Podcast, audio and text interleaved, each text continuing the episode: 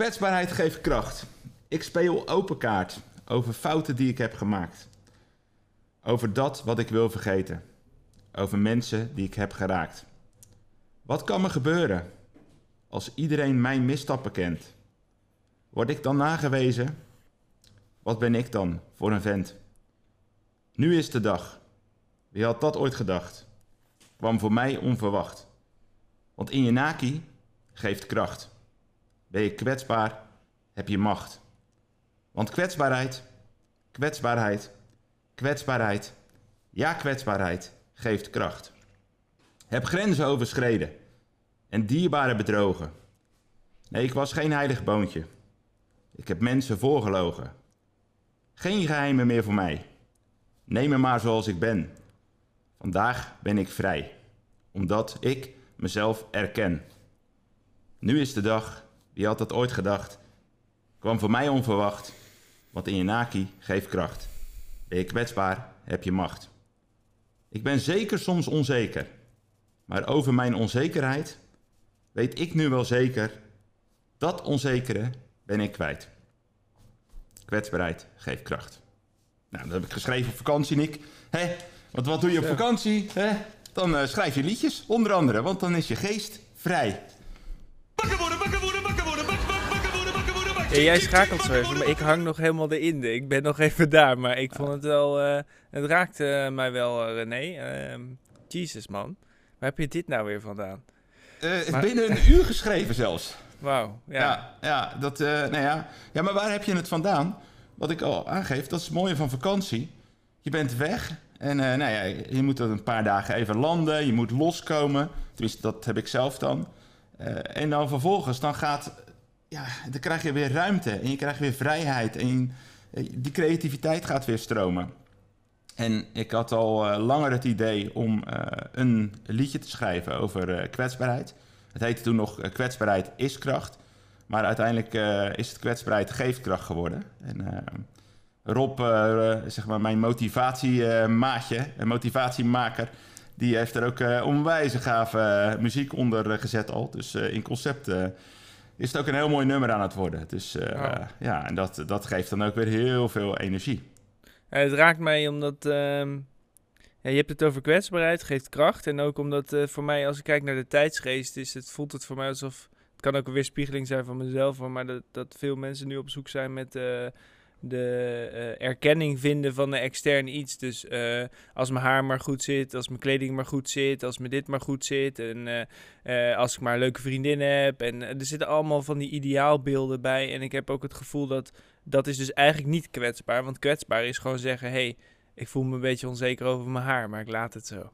Ja, ja, ja precies. En, maar dat zorgt er wel voor, als je dat doortrekt, dat, dat we dus bezig zijn met die erkenning en eigenlijk buiten onszelf treden. En daarmee onze dierbaren misschien wel beschadigen, omdat we helemaal niet in verbinding zijn. Want je staat op een moment, sta je, je haar te doen en gefocust je haar netjes te maken.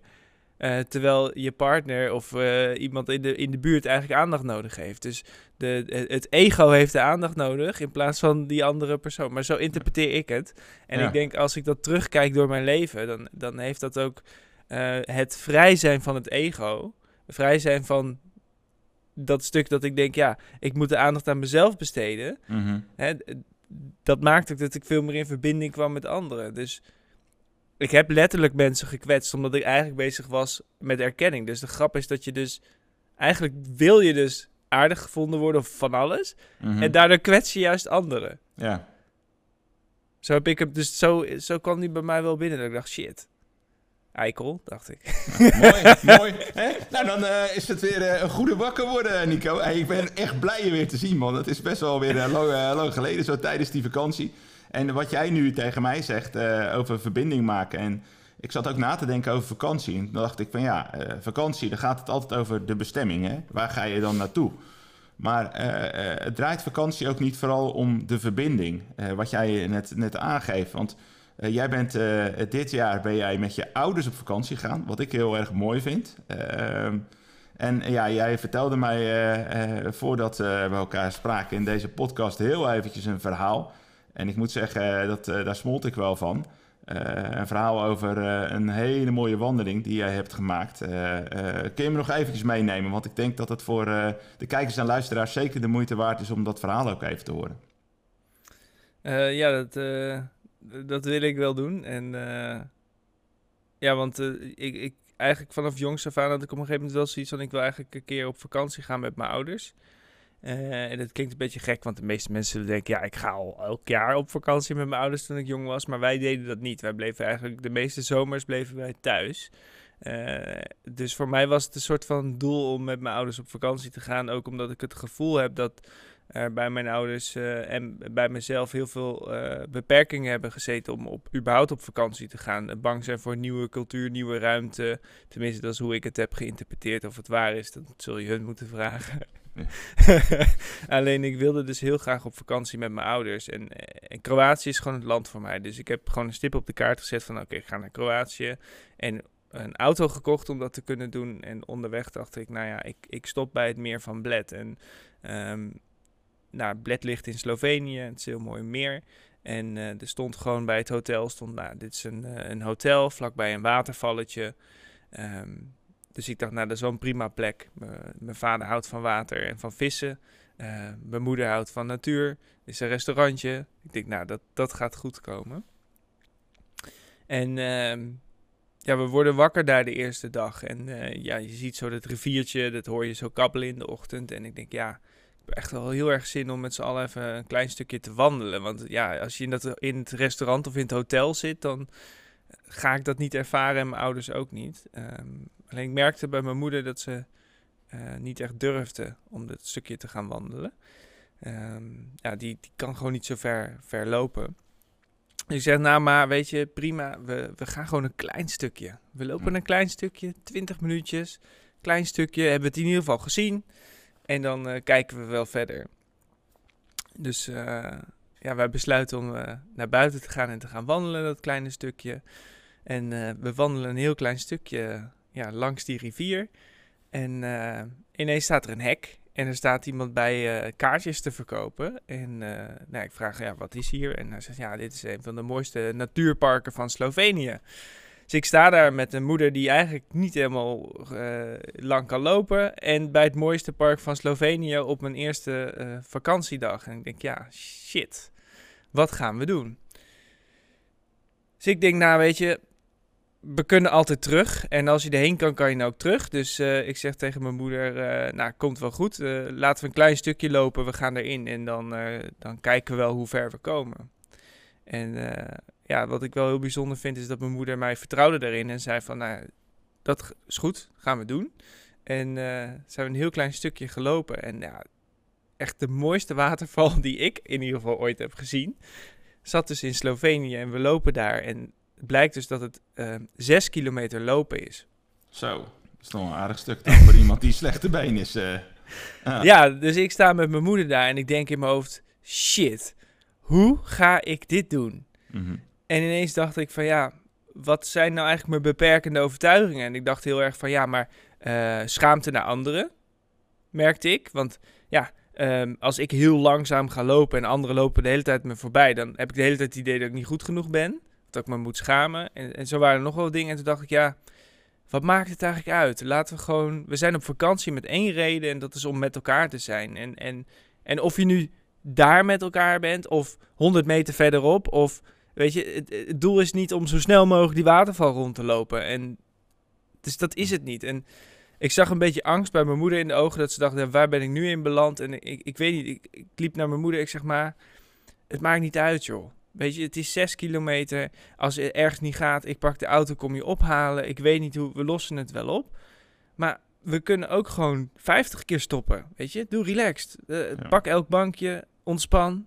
Of we nou thuis zitten of hier, of we lopen elke keer een stukje. Weet je, je weet dat je 100 meter kan lopen. Nou ja, daar lopen we toch gewoon 50 keer 100 meter. Ik bedoel, who cares? Ja, hoe mooi. En eh, zo, ik merk dat het me even raakt, maar... Ja. Dus we, we hebben uiteindelijk hebben we die hele, eh, al die kilometers hebben we eigenlijk gelopen in vijf uur. En achteraf vroeg ik aan mijn moeder van, ja, maar hoe komt het nou dat dit is gelukt? Weet je wel? Mhm. Wa- Wat is er gebeurd? En toen zei ze, Ja, jij zei tegen mij dat ik het in stukjes mocht doen. Ja. En je heeft me gewoon het gevoel gegeven dat het goed komt. En ja, ja toen dacht ik, ja, ik, ik ga het gewoon redden. En ehm, ja, ik denk dat dit echt de, de mooiste wandeling is die ik ooit met mijn ouders heb gemaakt. Ja. Het is niet alleen fysieke wandeling geweest, maar zeker ook geestelijk. Ja, ja, absoluut. ja, maar je legt echt wel een weg af dan. Letterlijk en figuurlijk. Ja, en eh, het, het- wat ik zeg, het was echt een mooie wandeling. Want aan de ene kant loop je dus over het, langs het water. Nou, dus dat, en je zag de verbinding tussen mijn ouders weer ontstaan. Ik heb er ook foto's van. Dat, ik weet niet, jij hebt ze misschien gezien, maar je ziet Ja, gewoon dat ze ze daar... gezien. Nou, ja. daar zijn ze gewoon weer in verbinding met elkaar. Ja. En, en vervolgens eh, ja, loop je dan door de, de een beetje zo'n Zwitserse Alpenachtig gevoel. Eh, midden in de zon. En moesten we dus elke keer op zoek naar de schaduw om mijn moeder af te koelen. Want die kon niet tegen de zon. Maar Ja. het voelde een beetje alsof we. eh, Het voelde een beetje als het leven. Oh, Het Ja. klinkt een beetje zwaar, maar alsof je in het leven steeds op zoek bent naar een momentje van rust of een momentje van dit. En pas als je het allemaal loslaat, ja, dan lukt het wel. Ja. Maar Dat wat ik vind- heel, heel mooi vind van het verhaal ook, is dat je gewoon eigenlijk over elke 100 meter die jullie dan gelopen hebben, eh, hoe traag dan misschien ook, eh, maar jullie hebben er wel gewoon continu van genoten. Eh, want als je natuurlijk over een wandeling van eh, zo'n 6 kilometer 5 uur doet, eh, ja, dan, dan heb je het wel ten volle beleefd. En, Ja, zeker. en inderdaad, als je dat doet vanuit een mindset van ja, maar weet je, we gaan ons niet haasten doen we er gewoon toch 100 meter en dan doen we weer een stukje rust. Maakt niet uit. Nee, en dit is wel confronterend geweest, René. Want waar ik dus achter ben gekomen op vakantie, door met mijn ouders mee te gaan die in een ander ritme leven, Ja. Is dat we eh, dat ritme, dat dat, eigenlijk, dat, dat snelle en gehaaste en, en maar doorgaan en maar doorgaan, dat, dat, dat, je ziet het niet. Je, je- het leven schiet voorbij, zeg maar. En ik heb in die wandeling, als ik terugdenk aan die wandeling, kan ik nog heel veel details herinneren, omdat het zo langzaam ging. ja. En ik heb ook uiteindelijk tegen mijn ouders gezegd van ja, weet je, ik, ik kan me voorstellen dat als je op een gegeven moment het ritme vertraagt, dat je niet meer snel wil leven. En dat vond ik heel confronterend. ja. Nou ja, wij leven natuurlijk ook gewoon eh rete snel eh, wat dat betreft. eh. en Ja, dat- even een half uurtje boswandeling. Maar zo snel dat je, dat je daardoor ook alles in een flits misschien wel voorbij ziet gaan. En je heel veel dingen, dus eigenlijk heel veel mooie dingen, nauwelijks opneemt.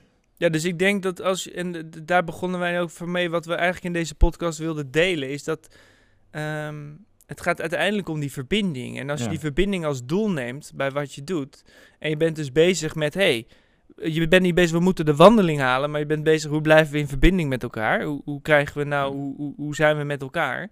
Dan krijg je een heel andere wandeling. Terwijl als je bezig bent met, we moeten zes kilometer lopen, dan ben je Ja. bezig met zes kilometer lopen. En ja, mijn les is gewoon dat dat, dat is Ja. niet wat het is. Ik heb wel een mooie titel dan voor de podcast, Nico. De, de verbinding is de bestemming.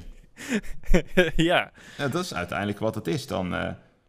En, en om dat naar het zakelijke te trekken, is dit denk ik ook wat er gebeurt in bedrijven. Want als je focust op de bestemming en je denkt alleen maar, als we daar zijn, dan hebben we het gemaakt met elkaar. Ja, wat doe je dan de rest van de tijd? ja. ja. En Terwijl je je- eigenlijk de hele weg alleen maar aan het verbinden bent. om uiteindelijk bij de bestemming te komen. ja, en dan komt er een bestemming. Ja. Maar de, de vraag is, waar, waar focus je dan op? Nou, het is. eh, eh, soms. Het, kijk, het is wel handig om de bestemming te weten. Dat helpt natuurlijk wel. Ik bedoel, uiteindelijk weet jij bij die wandeling ook van. Nou, we gaan ergens heen. en we gaan ook weer terug. Dus dat is handig om te weten. Alleen eh, door je te focussen vervolgens eigenlijk op van. Oké, goed dat we dat weten. Maar het draait om de verbinding. dan dan, dan beleef je het ook optimaal. En kun je er ook optimaal van genieten. Ik denk dat het daar vooral zit. Want als je alleen maar gefocust bent op die bestemming en je vergeet de verbinding, ja, weet je, wat is het leven dan waard? De verbinding is de bestemming. Ja, ik vind hem heel mooi, man. Dus, eh hey, eh, ga er weer een hele mooie dag van maken, hè? Wij spreken elkaar eh, binnenkort weer. Wakker, joh, jongen. Hey, see you. Bye bye, Nick. Hoi.